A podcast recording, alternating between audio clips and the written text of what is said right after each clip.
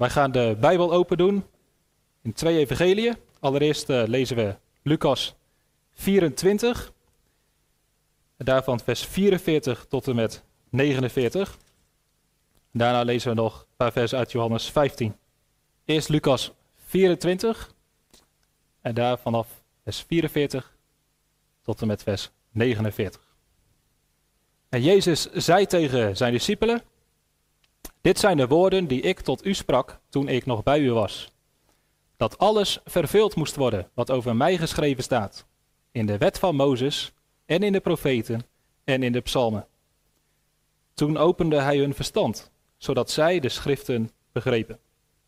En hij zei tegen hen: Zo staat er geschreven, en zo moest de Christus lijden en uit de doden opstaan op de derde dag. En in zijn naam moet onder alle volken bekering en vergeving van zonden gepredikt worden, te beginnen bij Jeruzalem. En u bent van deze dingen getuige. En zie, ik zend de belofte van mijn vader op u. Nou blijft u in de stad Jeruzalem, totdat u met kracht uit de hoogte bekleed zult worden. Tot zover. En dan lezen we nog uit Johannes 15. En daarvan vers 18 tot en met 27. Johannes 15, vanaf vers 18. Als de wereld u haat, weet dat zij mij eerder dan u gehaat heeft. Als u van de wereld zou zijn, zou de wereld het hare liefhebben. Maar omdat u niet van de wereld bent, maar ik u uit de wereld heb uitverkoren, daarom haat de wereld u. Herinner u het woord dat ik u gezegd heb: een slaaf is niet meer dan zijn heer. Als zij mij vervolgd hebben, zullen zij ook u vervolgen. Als zij mijn woord in acht genomen hebben, zullen zij ook het uwe in acht nemen. Maar al deze dingen zullen zij u aandoen omwille van mijn naam, omdat zij hem niet kennen die mij gezonden heeft. Als ik niet gekomen was en tot hen gesproken had, hadden zij geen zonde. Maar nu hebben zij geen voorwendsel voor hun zonde. Wie mij haat, haat ook mijn vader. Als ik onder hen niet te werken, zijn de wonderen, gedaan had die niemand anders gedaan heeft, hadden zij geen zonde. Maar nu hebben zij ze gezien en mij en mijn vader gehaat. Maar het woord moet vervuld worden dat in hun wet geschreven is. Zij hebben mij zonder reden gehaat. Maar wanneer de trooster is gekomen die ik u zal zenden van de Vader, de geest van de waarheid die van de Vader uitgaat, zal die van mij getuigen. En u zult ook getuigen, want u bent vanaf het begin af bij mij. Tot zover onze schriftlezing. We hebben vorige week stilgestaan bij eh, de opdracht van Jezus dat in zijn naam onder alle volken bekering en vergeving van zonde gepredikt moet worden. Dat staat in Lucas 24, vers 47. En uh, ik wil nu de aandacht leggen op vers 49. Dat Jezus daarachteraan zegt, na deze grote opdracht geeft hij de grote belofte. Lucas 24, vers 49. En zie, ik zend de belofte van mijn vader op u. Nou blijft u in de stad Jeruzalem, totdat u met kracht uit de hoogte bekleed zult worden. En we denken na over de grote belofte die ons in staat stelt om de grote opdracht uit te voeren. De grote belofte die ons in staat stelt om de grote opdracht uit te kunnen voeren. Hij stond met zijn vader bij een grote steen. Til maar op, zei zijn vader tegen hem. Verbaasd keek hij omhoog. Die steen was veel te groot. Maar nog eens zei zijn vader: Til die steen maar op en gebruik al je krachten. Jochie bukte, probeerde de steen in beweging te krijgen, maar hij verschoof geen centimeter. Nog een keer zei zijn vader: Gebruik al je krachten, til die steen op. Nog één keer probeerde het jongetje en toen zei hij bijna wanhopig tegen zijn vader: Maar papa, ik gebruik al mijn krachten. Maar deze steen is gewoon te zwaar. Nee, zei zijn vader, je hebt niet al je krachten gebruikt. Je hebt mij niet gevraagd of ik je wilde helpen. Toen Jezus zijn discipelen de opdracht gaf om alle volken tot zijn discipelen te maken, om onder alle volken te verkondigen dat ze zich moesten bekeren van hun zonde, om zo vergeving te ontvangen, toen hebben de discipelen ongetwijfeld zich zo'n kleine jongen gevoeld bij een veel te grote steen. Hoe kon Jezus dit van hen vragen? Zij, eenvoudige visjes uit Galilea, zij alle volken tot discipelen maken? Dat was een te grote opdracht. En Jezus zei er ook nog bij: Jullie moeten beginnen in Jeruzalem. Dat was de plek waar Jezus was gekruisigd. Het was de plek waar Joden vol haat waren naar Jezus van Nazareth.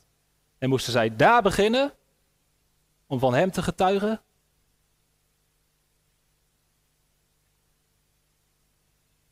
Vorige week heb ik jullie aan het denken gezet. Ook wij krijgen deze opdracht. Ook wij zijn geroepen om het evangelie te verkondigen.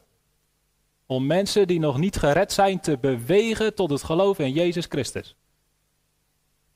In de wetenschap dat mensen anders verloren gaan. En misschien hebben jullie datzelfde gevoel gehad van de week. Dat is een veel te grote steen die wij nooit kunnen optillen. Dit is een onmogelijke opdracht voor ons. Leuk dat de dominee dat probeert, die heeft ervoor gestudeerd, maar uh, wij niet. In elk geval niet in Werkover, want daar kent iedereen ons. Begin maar in Jeruzalem. Begin maar bij je buren, bij je collega's. Een zware opdracht.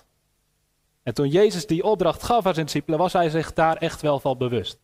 Jezus wist wel wat voor mannen hij voor zich had staan. Dat waren niet de beste. Niet de stoerste. Niet de vrijmoedigste. Integendeel, Jezus had talloze keren meegemaakt dat ze mega bang waren. Ze waren op het water, op zee. Begon te stormen. Jezus lag lekker te slapen en ze raakten helemaal in paniek. Jezus, word wakker! Wij verdrinken! Ze waren doodsbang. We zien die angst heel duidelijk toen Jezus gevangen werd genomen. Alle discipelen vluchten weg. We zien de angst bij Petrus toen hij de vraag kreeg of hij Jezus kende. Oh nee, zegt hij, nee, ik ken hem niet. Ik heb geen idee wie het is. Jezus wist wel dat zijn discipelen bang waren. En in zichzelf niet de kracht hadden om deze opdracht uit te voeren. Zeker niet in staat waren om te lijden voor hun getuigenis. Jezus zei ook tegen hen: Zonder mij kunnen jullie niks doen. En dan zegt hij ook tegen ons: Zonder mij kun je niks doen. Zonder mijn hulp gaat heel deze opdracht niet succesvol worden uitgevoerd. Daar zijn wij veel te zwak voor. Het is onmogelijk. En toch noodzakelijk. Pas hoorde ik uh, een dominee zeggen, en dat vond ik wel een mooie zin. En zei als iets onmogelijk is en toch noodzakelijk, dan is er een wonder nodig. Als er iets van ons gevraagd wordt, wat wij niet kunnen, maar wat toch gedaan moet worden, dan is er een wonder van God nodig. En vanavond horen wij wat dit wonder is. En komt dit wonder als een belofte tot ons. Het is het wonder van het werk van de Heilige Geest. Jezus zei tegen zijn discipelen en tegen ons: Zie, ik zend de belofte van mijn Vader op u. Dit komen we heel vaak tegen in de laatste gedeeltes van de Evangelie, Johannes 14 tot 16, dat Jezus deze belofte doet. Handelingen 1, vers 4. Toen hij met de discipelen samen was, zei hij tegen hun dat ze niet uit Jeruzalem zouden gaan, maar de belofte van de Vader zouden verwachten, die u, zei hij, van mij gehoord hebt. Want Johannes doopte wel met water, maar u zult met de Heilige Geest gedoopt worden. Niet lang na deze dagen. U zult de kracht van de Heilige Geest ontvangen, die over u komen zal. En u zult mijn getuige zijn. Johannes 14. Ik zal de Vader bidden, hij zal u een andere trooster geven, opdat hij bij u blijft tot in eeuwigheid. Namelijk de geest van de waarheid, die de wereld niet kan ontvangen, want zij ziet hem niet en kent hem niet. Maar u kent hem, want hij blijft bij u en zal in u zijn. Johannes 16. Maar ik zeg u de waarheid, het is nuttig voor u dat ik wegga. Want als ik niet wegga, zal de trooster niet naar u toekomen. Maar als ik heen ga, zal ik hem naar u toezenden. Je kunt naar de geschiedenis van deze wereld kijken op heel veel manieren. Maar als je kijkt op een bijbelse manier, dan kun je de geschiedenis opdelen in drie periodes. De eerste periode is de tijd voor de komst van de Heer Jezus naar de aarde. En dat was de tijd waarin de Heilige Geest ook aanwezig was. Zoals we lezen in het Oude Testament. Alleen toen was de Heilige Geest voor bepaalde personen alleen. Koningen, priesters en profeten. Zij werden gezalfd met de Heilige Geest om hun taken uit te kunnen voeren. Morgen was er een kindermoment in de kerk, dat ging over Simpson. En dan staat er keer op keer bij Simpson, de geest werd vaardig over hem. Dus in het Oude Testament kom je de Heilige Geest tegen, maar die werd alleen maar aan specifieke personen gegeven die een bepaalde taak moesten uitvoeren. Dan heb je de tweede periode van Sinnes, dat is de tijd dat de Heer Jezus zelf op aarde was. Toen was de Heilige Geest zeker aanwezig. Hij was volledig aanwezig in de Heer Jezus Christus. In de kracht van de Heilige Geest heeft Jezus zijn bediening op aarde uitgevoerd. In de kracht van de Heilige Geest is Jezus geboren. In de kracht van de Heilige Geest is Jezus uitgegaan om het koninkrijk van God te verkondigen. In de kracht van de Heilige Geest heeft Jezus wonderen gedaan, demonen uitgedreven, zieken genezen. In de kracht van de Heilige Geest heeft Jezus zijn leven gegeven aan het kruis. En in de kracht van de Heilige Geest is Jezus opgestaan uit de dood. Overal in het leven van de Heer Jezus zie je de kracht van de Heilige Geest.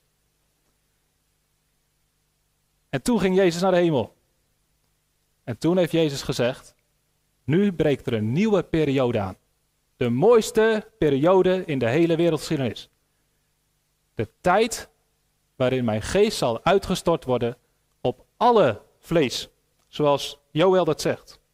Daarna zal het geschieden dat ik mijn geest zal uitstorten op alle vlees. Zonen en dochters zullen dromen dromen. Uw jonge mannen zullen visioenen zien. Ja, zelfs op de dienaren en op de dienaressen zal ik in die dagen mijn geest uitstorten. Dit is een machtige belofte. Dan niet alleen dominees de Heilige Geest krijgen of kerkraadsleden, maar alle gelovigen. Zelfs kinderen. Zelfs dienstknechten, in die tijd slaven. Mensen die onderaan de sociale ladder staan. Maakt allemaal niet uit. Iedereen kan deze belofte van de Heilige Geest in deze tijd waarin wij leven ontvangen. Wij leven in de mooiste periode van de wereldgeschiedenis, waarin de Heilige Geest bijzonder krachtig en rijk wil werken. Wij leggen in de kerk misschien vooral nadruk op het werk van God de Vader als schepper en het werk van de Heer Jezus als zaligmaker. Maar als je gaat letten op de Heilige Geest, dan kom je hem heel veel tegen. De Heilige Geest is vanaf het begin betrokken bij de redding van mensen. De Heer Jezus heeft bijvoorbeeld gezegd: Ik zal de Geest sturen, die zal de wereld overtuigen van zonde. Dus het eerste wat iemand ervaart als die gered wordt, is dat hij overtuigd wordt van zijn zonde. Dat je geweten geactiveerd wordt. Dat je in één keer gaat, dingen gaat zien in je leven die verkeerd zijn. En dat je je daar schuldig bij gaat voelen. Voelt een beetje als kiespijn. Heel irritant. Je beseft dat er iets mis is in je leven. Dat het niet goed zit tussen God en jou. Dat je een probleem hebt wat opgelost moet worden. Dat is het werk van de Heilige Geest. En vervolgens laat de Heilige Geest zien wat de oplossing is. Hij geeft je verlangen om de Bijbel te lezen, verlangen om naar de kerk te gaan. Je gaat God zoeken. En in die zoektocht ga je het evangelie begrijpen. En snappen waarom je in Jezus moet geloven. Om gered te worden. En als je je vertrouwen stelt op de Heer Jezus, dan gaat de Heilige Geest je blijdschap in je hart geven. Vrede. Liefde. Waardoor je weet, mijn zonden zijn vergeven.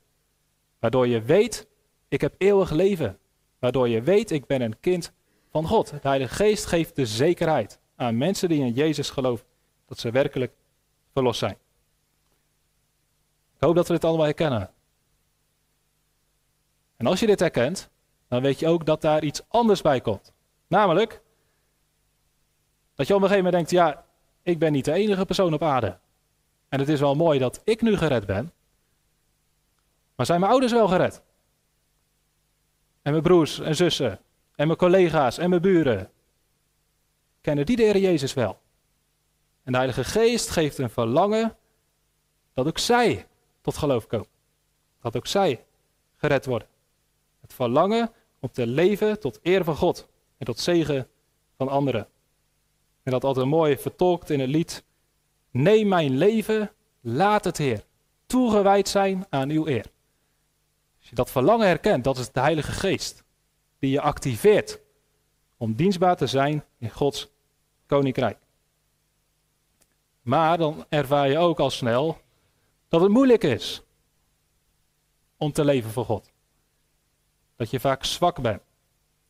Dat je vaak toegeeft aan zonde. Dat je vaak schaamt. En dan kom je zo op het punt dat je zegt: God kan mij niet gebruiken. Ik ben waardeloos. En toch wil je God dienen. Nou, en dan komt deze belofte. Dat is het moment dat de Heilige Geest gaat duidelijk maken dat Hij nog op een andere manier in je leven actief wil zijn. Hij wil je de kracht geven, in staat stellen om tot eer van God en tot zegen van anderen te leven. Herkent u dit? Dus het normale christelijke leven. Dat de Heilige Geest in je hart werkt. Verzorg dat de relatie met God hersteld wordt. En dat je dienstbaar wordt in zijn koninkrijk. Nu is het zo dat de Heilige Geest in verschillende maten kan werken. De Heilige Geest werkt niet in iedereen even krachtig.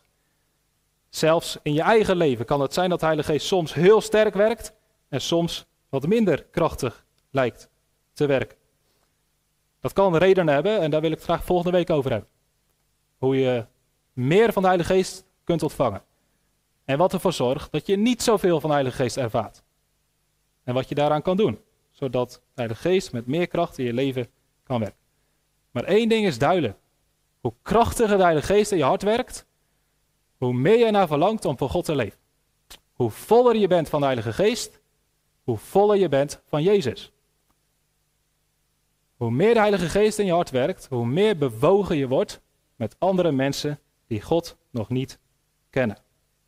Daarom is het werk van de Heilige Geest en deze belofte van Jezus zo belangrijk. Nu zegt Jezus in onze tekst dat Hij zelf de Heilige Geest zal sturen. Dus als je de Heilige Geest wilt ontvangen, moet je bij Jezus zijn. En als je het leven van Jezus nagaat, dan zie je dat Jezus zelf de Heilige Geest ongekend heeft ervaren. Johannes 3, vers 34 zegt dat God aan Jezus de Geest heeft gegeven zonder maat. Dus Jezus was altijd maximaal vervuld van de Heilige Geest. Zoals ik net al zei, door zijn hele leven heeft Jezus kunnen dienen door de kracht van de Heilige Geest.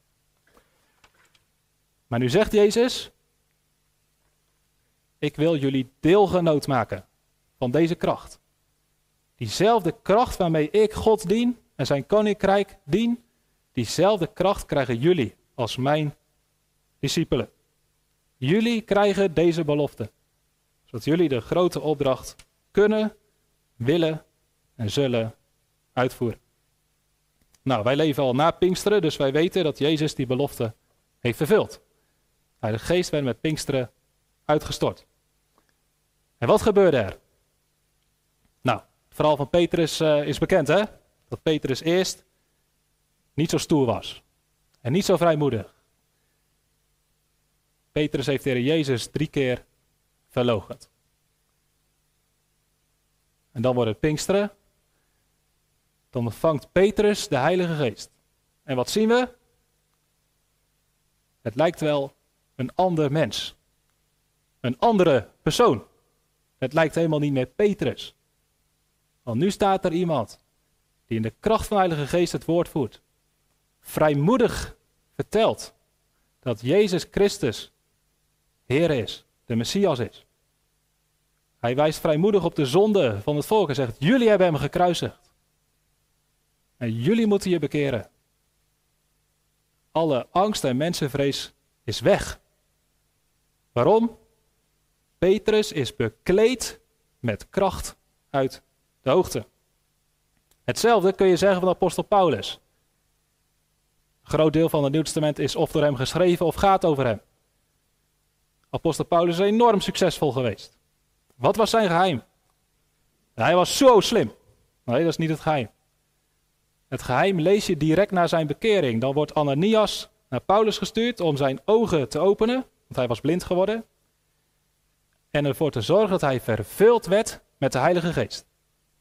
Nou, en na dat gebeurde staat er gelijk en meteen predikte Paulus Christus in de synagoge. Dat hij de zoon van God is. Dus Paulus die eerst Jezus vervolgde en de mensen die in Jezus geloofden, die staat nu in de synagoge, in het publiek, met kracht te vertellen dat deze Jezus de zoon van God is. En later zegt Paulus, ik heb vanaf Jeruzalem tot aan Illyricum toe, dat is de uiterste grens van het Romeinse Rijk voor hem, in heel die omgeving, zegt hij, heb ik door de kracht van de Heilige Geest het evangelie verkondigd.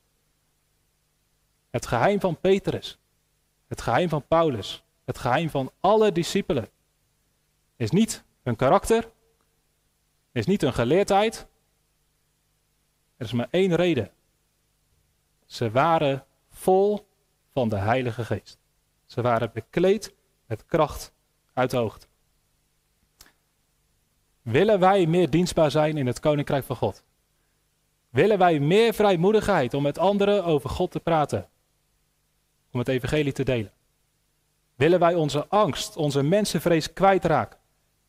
Er is maar één antwoord. Word vervuld met de Heilige Geest.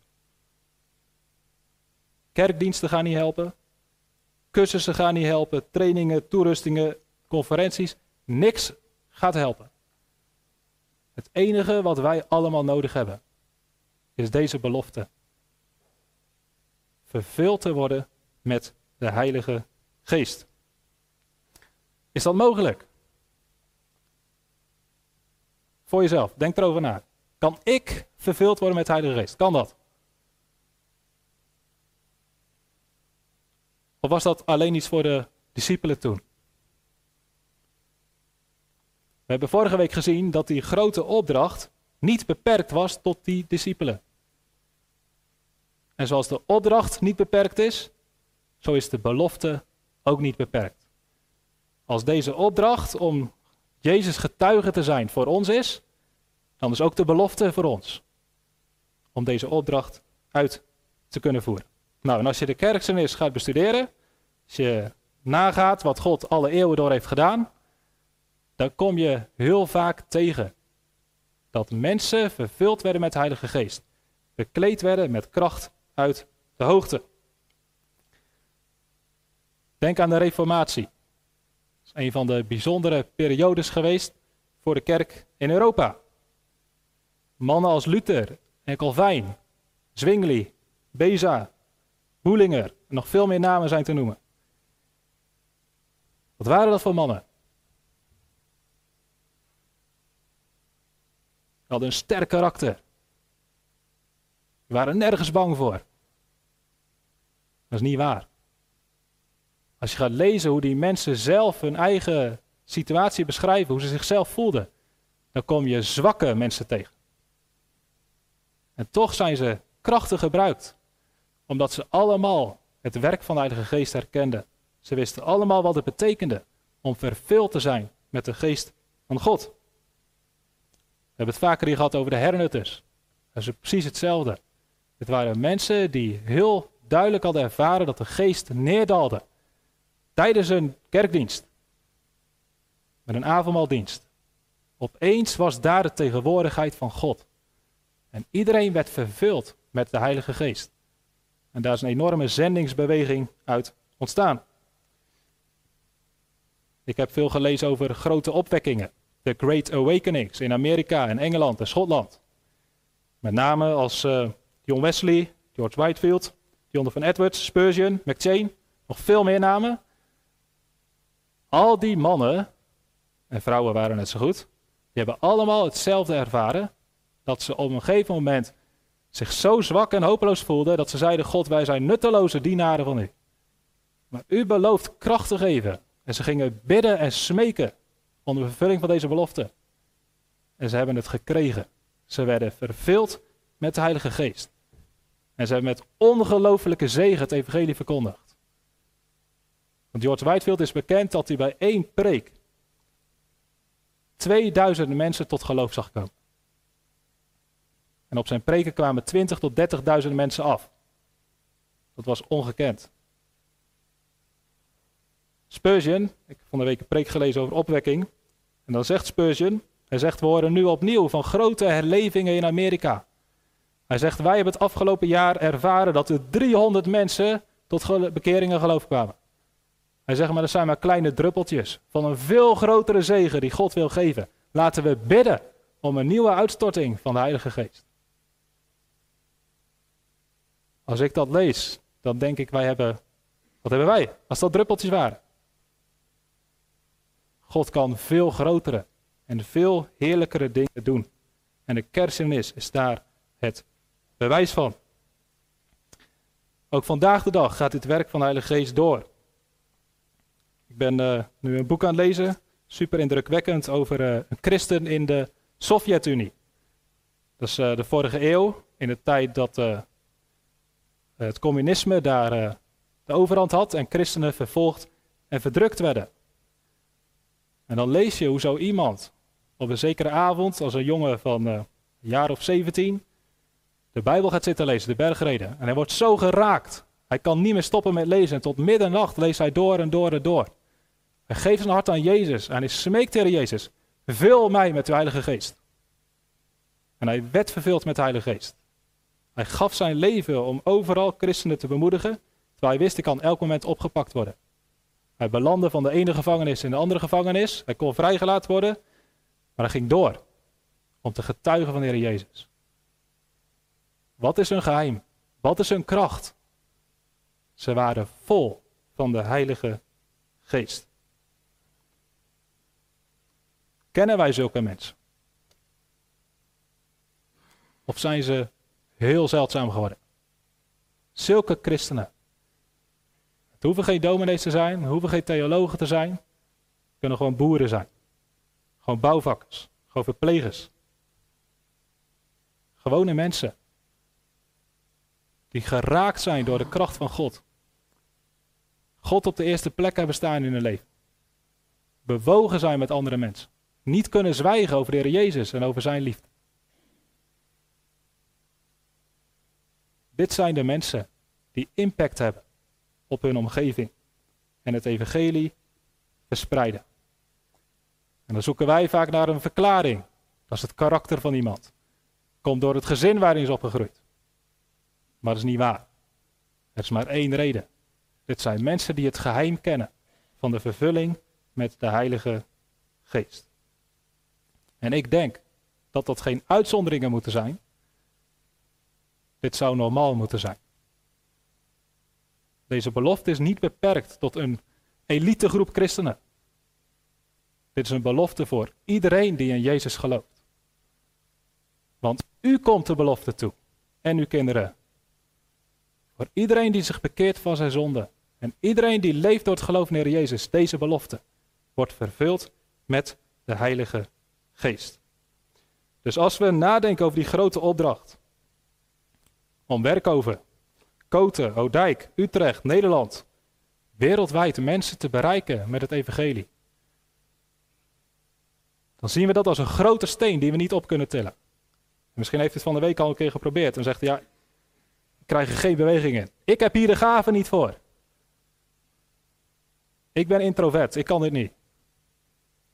Of ik heb er niet voor gestudeerd. Laat dat alsjeblieft niet de eindconclusie zijn. Maar kijk omhoog en zeg tegen God: Ik kan het niet. Geef mij uw kracht. En dan gaat er wat gebeuren in je leven. Dan gaat Gods werk door jou heen plaatsvinden. En dan gaat die steen in beweging komen. En dan wordt de grote opdracht uitgevoerd. Jezus kijkt niet naar onze zwakheid. Hij kijkt helemaal niet naar ons. Jezus kent zijn eigen kracht. Onze zwakheid is geen probleem. Als wij maar met onze zwakheid naar Jezus toe gaan, dan zal Hij ons bekleden met Zijn goddelijke kracht. De kracht van God is groot genoeg. Kijk naar de schepping. Hoe is alles ontstaan? Door de grote kracht van God. Kijk naar de natuur, hoe alles groen is en bloeit. En weer nieuw leven komt. Het is de kracht van God. Bestudeer het leven van Jezus. Lees het boek Handelingen. Zie hoe de kerk ontstaat. Zie hoe de kerk groeit. Overal zie je de grote kracht van God. Kijk naar de kerkgeschiedenis. Kijk naar andere landen waar vervolging is. En de kerk toch groeit. Keihard groeit. Het is het bewijs dat de kracht van God groot genoeg is. We hoeven niet stoer te doen voor elkaar. We kunnen gerust toegeven dat we zwak en bang zijn. Maar laten we elkaar ook bemoedigen met deze belofte en zeggen we gaan samen bidden. Dat we deze kracht gaan ervaren in ons leven. misschien zegt iemand, ik heb deze kracht vroeger ervaren. Misschien toen u net tot geloof kwam. Vol liefde, vol vuur. Maar ik ben het kwijtgeraakt. Misschien zegt iemand, ik ken het helemaal niet. Laten we er samen naar gaan zoeken. Volgende week gaan we zien hoe we deze belofte kunnen ontvangen. En mogen God ons zegenen met de ervaring dat we als gemeente vol zijn van de Heilige Geest. Bidt u mee? Amen.